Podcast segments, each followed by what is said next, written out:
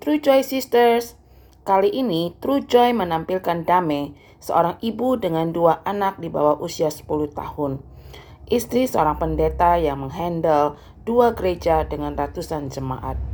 Di tengah berbagai kesibukan, tantangan, dan juga membantu pendeta John dalam tugas-tugasnya, Dame juga melakukan konseling untuk para pasutri dan single di lingkungan gereja. Yuk kita dengar bagaimana Dame dapat mempertahankan true joy-nya di tengah hiruk pikuk jadwal, masalah jemaat, dan kebutuhan keluarga. Oke, halo Dame, thank you ya udah mau aku ajak ngobrol nih uh, sore ini untuk uh, mengisi podcast kita True Joy. Hai, eh cerita dong Me, uh, berapa lama ya kau aktif di pelayanan baik waktu masih single maupun sudah bareng dengan John? Hmm, well, kalau dibilang berapa lama, kayaknya udah lama banget ya sebenarnya. Jadi saya benar-benar mengambil keputusan untuk benar-benar menyerahkan hidup saya sama Tuhan itu sebenarnya di tahun 99 gitu. Waktu saya masih single banget gitu. Tapi uh, masih awal-awal sekali itu Mm-hmm. Ya, kemudian uh, makin grow, saya masih bekerja, tapi saya memang sangat aktif juga di pelayanan saya, yaitu di uh, single ya. Waktu itu saya masih di Bintaro, mm-hmm. seperti itu. Jadi saya banyak memimpin wanita wanita-wanita single juga. Kami sama-sama uh, mengalami apa kayak satu keluarga gitu loh. Mm. Benar-benar memuji Tuhan dengan semua uh, masalah uh, sebagai seorang single, pasangan hidup, pekerjaan, keluarga. Tapi kita itu kayak hand in hand gitu loh, sama-sama uh, kita membimbing, kita saling dibimbing untuk bisa benar-benar tetap setia di dalam Tuhan. Jadi mulainya di sana gitu loh, di dua di, di 99. Hmm. Sampai kemudian di 2011 Uh, saya uh, saya menikah di 2010, kemudian saya dan suami dipercaya untuk uh, mendirikan gerejanya dia di Depok. Hmm. Ya, di 2000 jadi 2011 kami kemudian dikirim misi ke sini. Kami dari 17 orang kami dikirim eh 15 nih, 15 orang. Hmm. Ya, 15 uh, orang kami ada dikirim di Depok. Kita benar-benar uh, bersatu hati ya karena kita mau uh, apa namanya? mau memenangkan orang-orang yang ada di Depok uh, menyatakan kebenarannya Tuhan seperti itu dan uh, gerejanya Tuhan dan uh, uh, apa namanya ini ber, bertumbuh banget selama kita ada di Depok. Jadi kita sekarang udah sekitar 150 orang ya di gereja. Wow. Nah, kemudian uh, di 2019 uh, kami dipercaya juga karena pada waktu itu gereja di Bogor itu pemimpinnya itu harus uh, pensiun dini karena dia penyakitnya ya hmm. kasihan juga ngelihatnya maksudnya ya nggak bisa dipaksa bukan karena mereka tidak mempunyai hati tapi memang sudah sakit gitu jadi hmm. karena uh, kemudian kita dipercaya Jun, Juli 2019 kami dipercaya untuk kami memimpin uh, Bogor juga jadi hmm. dari 2019 sampai sekarang basically kami memegang dua gereja gereja uh, Depok dari 2011 dan uh, sampai sekarang itu dari 2019 sampai sekarang itu gereja Bogor seperti itu.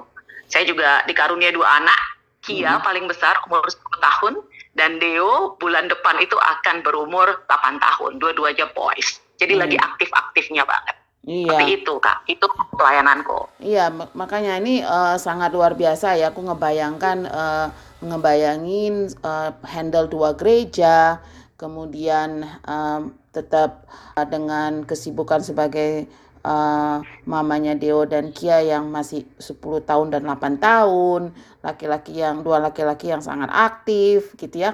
Terus konseling uh, juga kan kalian sering konselor ya, konseling pasangan-pasangan ya. yang kayaknya nggak berhenti-berhenti gitu ya. nggak uh, kebayang sih uh, gimana uh, apa ya uh, pengalamanmu tuh sebagai sebagai uh, seorang wanita yang uh, harus mendampingi suami, jadi ibu untuk dua anak, kemudian juga konseling uh, konselor untuk pasangan-pasangan uh, yang ada maupun yang single ya. Nah sekarang kamu nanya nih setelah tadi kan sebenarnya secara single udah dari uh, tahun 99 kemudian nikah di uh, 2010 kemudian memegang gereja. Selama sekian la, selama sekian lama uh, aktif uh, di um, di pekerjaannya Tuhan ya gitu ya di ladangnya dia itu um, ingat gak sih momen yang paling uh, paling menyenangkan uh, selama sekian tahun itu yang membuat dirimu uh, masih tetap aja excited uh, dengan pekerjaan ini yang nggak gampang ini? Apa sih yang paling menyenangkan? Boleh share nggak?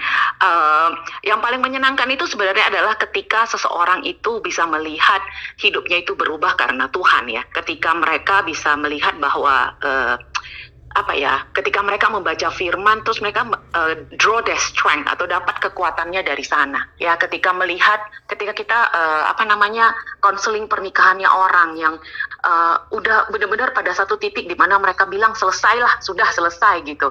Tapi ketika dua-duanya datang kepada Tuhan ya kemudian dua-duanya itu uh, mengambil waktu untuk benar-benar larinya kepada Tuhan.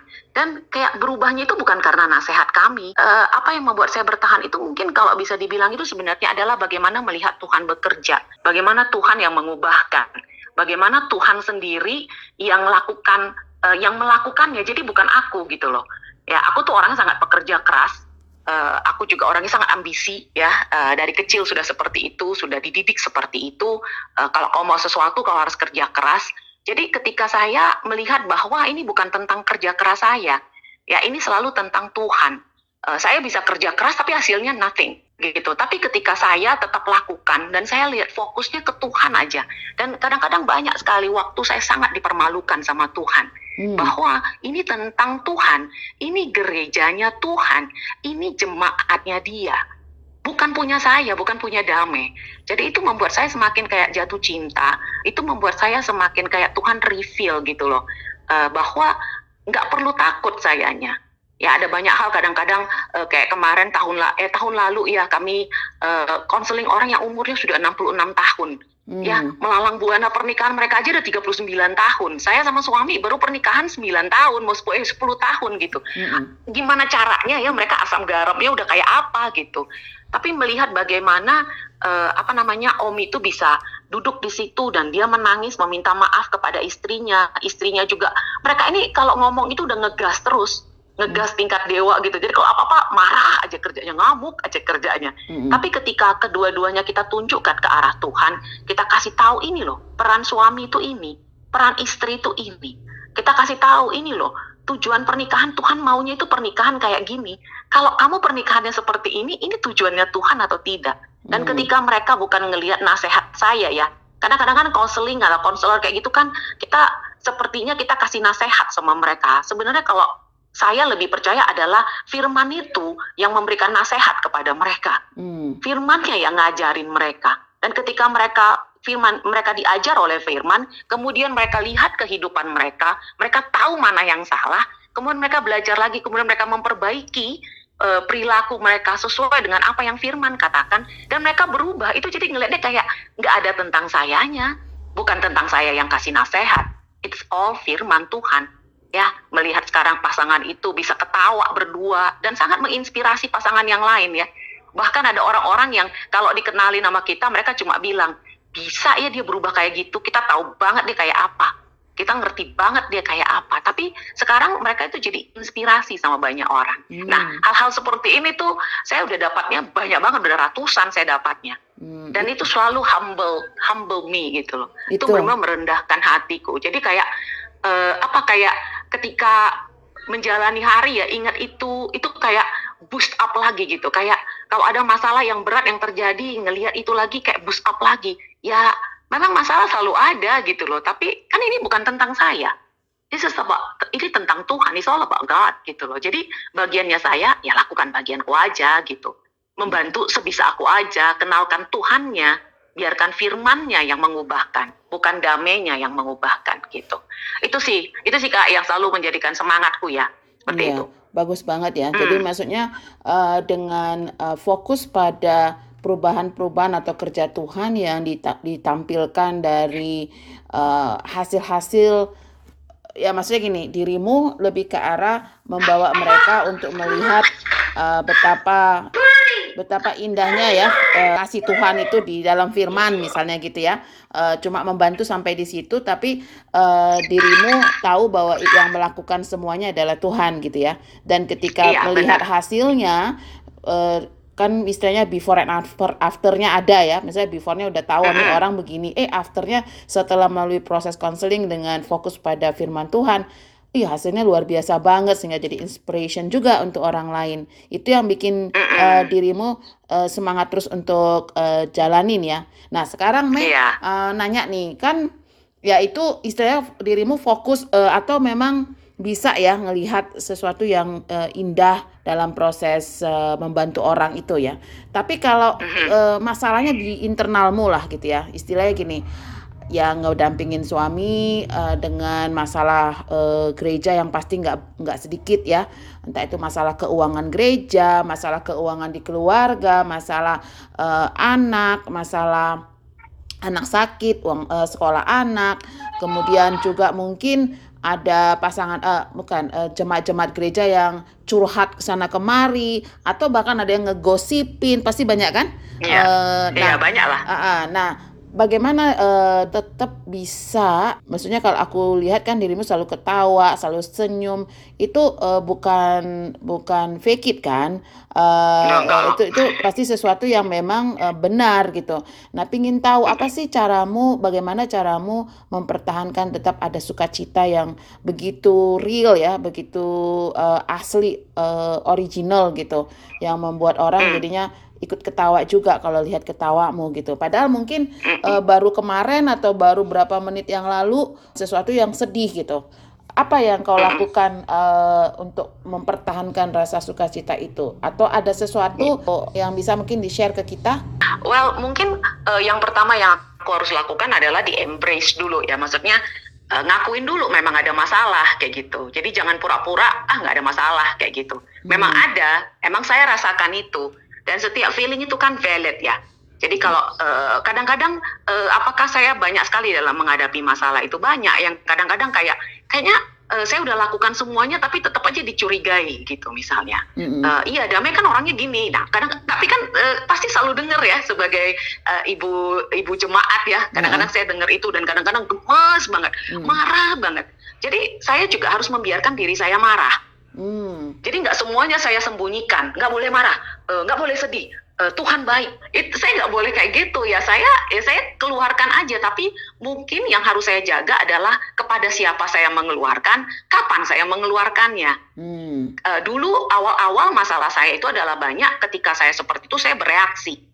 Reaksi saya pertama itu. Jadi eh, kemudian yang saya lihat adalah itu tidak membantu sama sekali saya Hmm. puas dengan reaksi saya tapi setelah itu saya memperbaikinya banyak banget yang harus dibereskan Hmm. jadi yang harus saya lakukan sebenarnya kalau ada masalah-masalah seperti itu saya harus cek respon saya itu kayak apa Nah, makin lama semakin ke sini ketika ada banyak sekali kekecewaan yang terjadi, saya biasanya ambil waktu, benar-benar ambil waktu eh, untuk saya lihat dulu ini apa sih sebenarnya? Hmm. Apa? Ini apa? Kadang-kadang eh, karena emosi udah nggak bisa mikir lagi.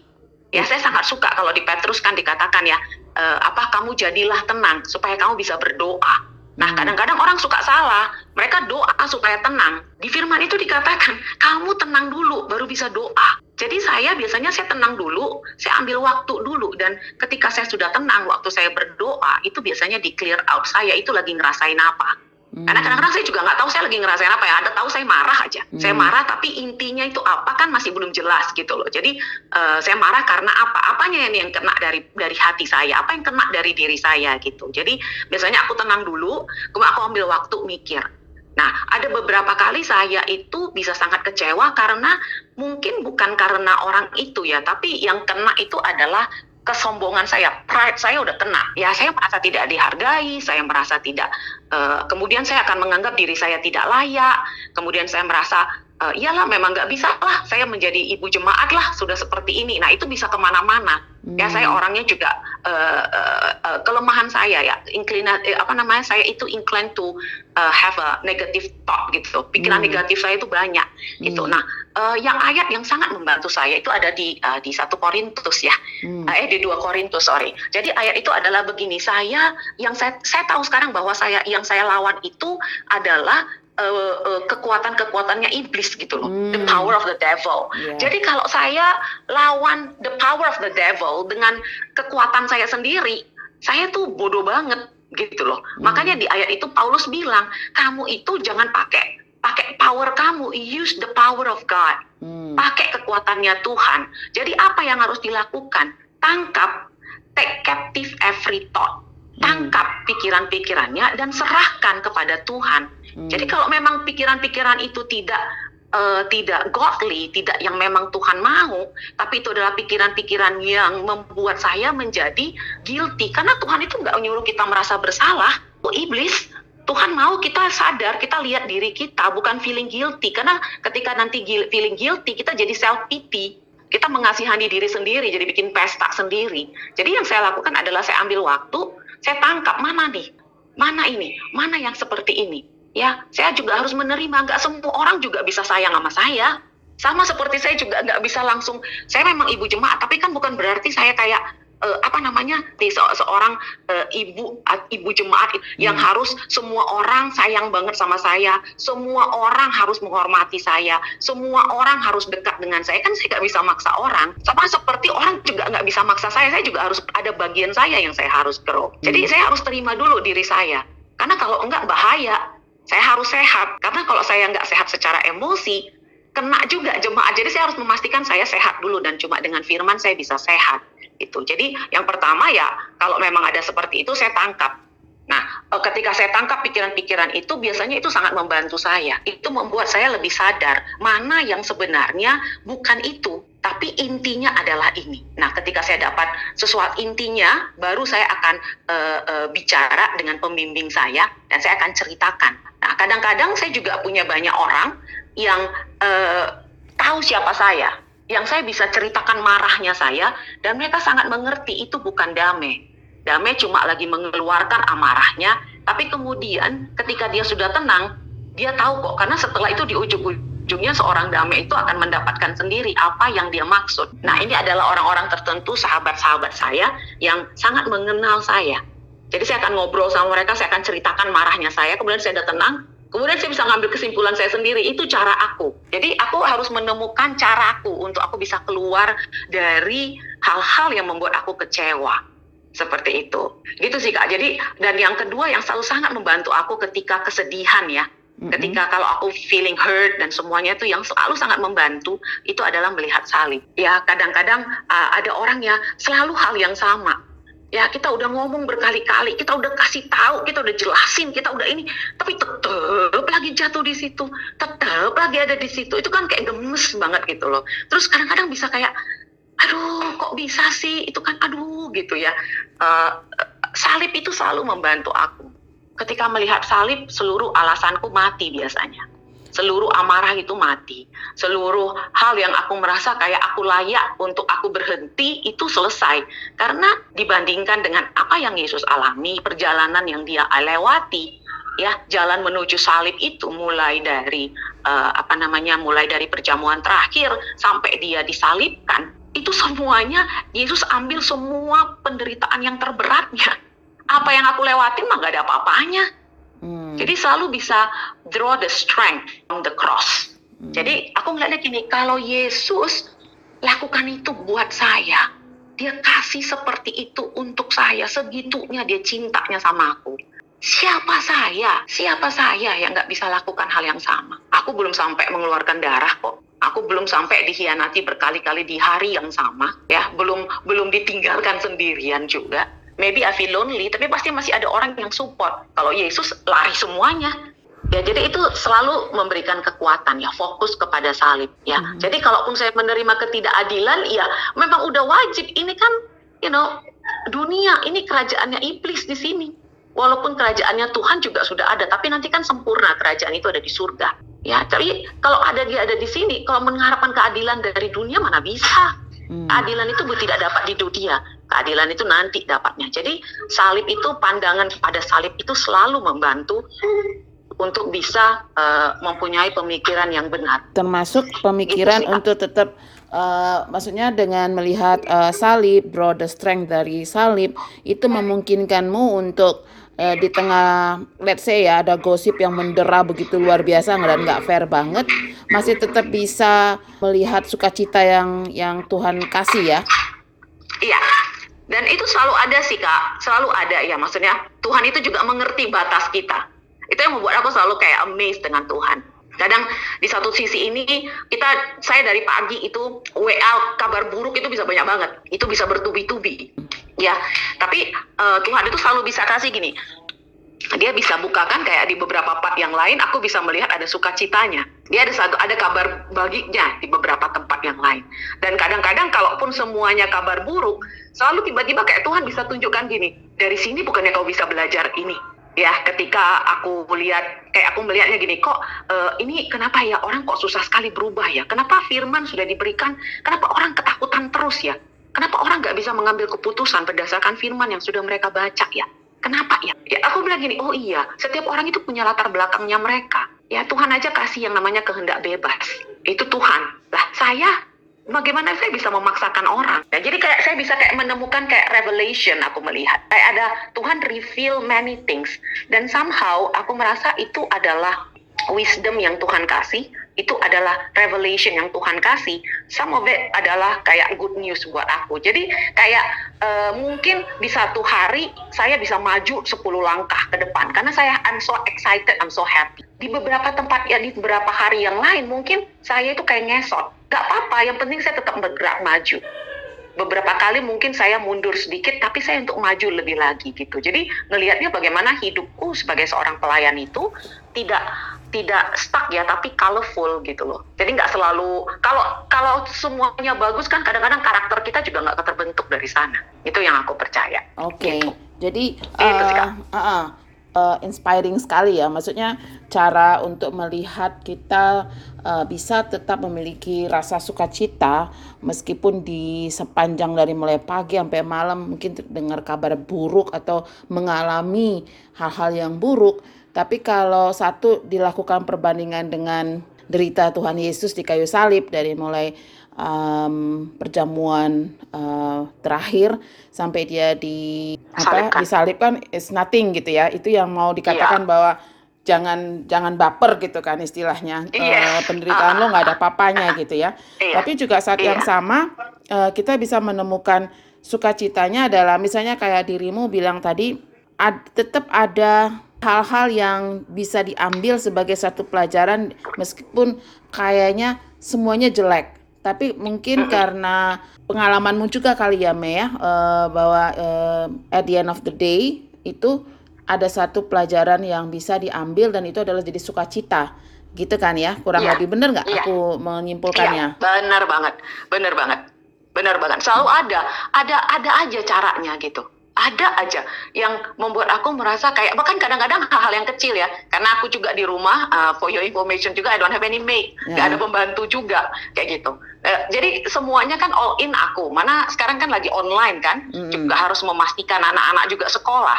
Pada saat yang bersamaan juga nggak boleh membuat mereka uh, terlalu tergantung kepada gadget tapi hmm. juga mereka juga harus bergerak. Tapi kan saya juga ministry, hmm. saya ministry dari rumah, Zoom juga uh, back to back gitu. Hmm. Ada banyak orang yang harus saya bantu. Uh, waktu saya lihatnya seperti itu, jadi kayak gini, kayak uh, small thing ya. Kadang-kadang saya bisa menemukan uh, cara efektif untuk saya nyuci. Itu juga buat saya happy. Hmm. ya waktunya menjadi lebih cepat misalnya. Terus uh, oh iya ya, uh, saya bikin schedule buat anak-anak kayak gitu dan itu membuat anak-anakku itu sangat uh, tahu dari sini setelah itu mereka ngapain. Setelah mereka selesai uh, makan malam, mereka akan baca buku. Setelah baca buku, mereka akan saat teduh masing-masing. Setelah itu mereka boleh main game gitu satu jam setelah itu mereka kita ada devotional singkat sebelum mereka tidur itu aja udah buat aku happy gitu dan hmm anak-anak itu bisa datang ke aku dan bilang, Mama, kita belum uh, read the Bible tonight. Gitu. Saya kasih satu ayat sebelum mereka tidur, karena saya mau mereka sebelum mereka tidur itu, hal yang terakhir kali mereka ingat itu adalah firman Tuhan. Hmm. Dan anakku bisa nyari itu, itu kan aku merasa kayak, wah, always something yang Tuhan itu bisa tunjukin, hmm. gitu. Selalu ada sesuatu hal yang baru. Memang bener kan, uh, selalu hal baru, kalau kita itu benar-benar mau, uh, apa ya, kayak mau ikut aja, ikut aja kalau Tuhan bilang apa ikut aja gitu Hmm, itu okay, sih. Oke, okay. jadi uh, kalau disimpulkan lagi artinya untuk tetap dalam keseharian kita mengalami sukacita sejati true joy itu nggak perlu terlalu kayak fokus apa ya hari ini yang ku harus uh, merasa sukacita atau happy gitu ya. Hmm Uh, itu iya, kayaknya benar. malah itu aja udah jadi proses yang bikin stres ya. Tapi ketika uh, jalanin aja, uh, paling juga pegang setiap kali ada kondisi yang kayaknya, aduh nih sedih banget sih atau apa, bandingkan lagi, "Ah, Tuhan Yesus uh, lebih dari itu aja sendirian lagi. Aku enggak, aku masih ada gini dan dan ada Dia.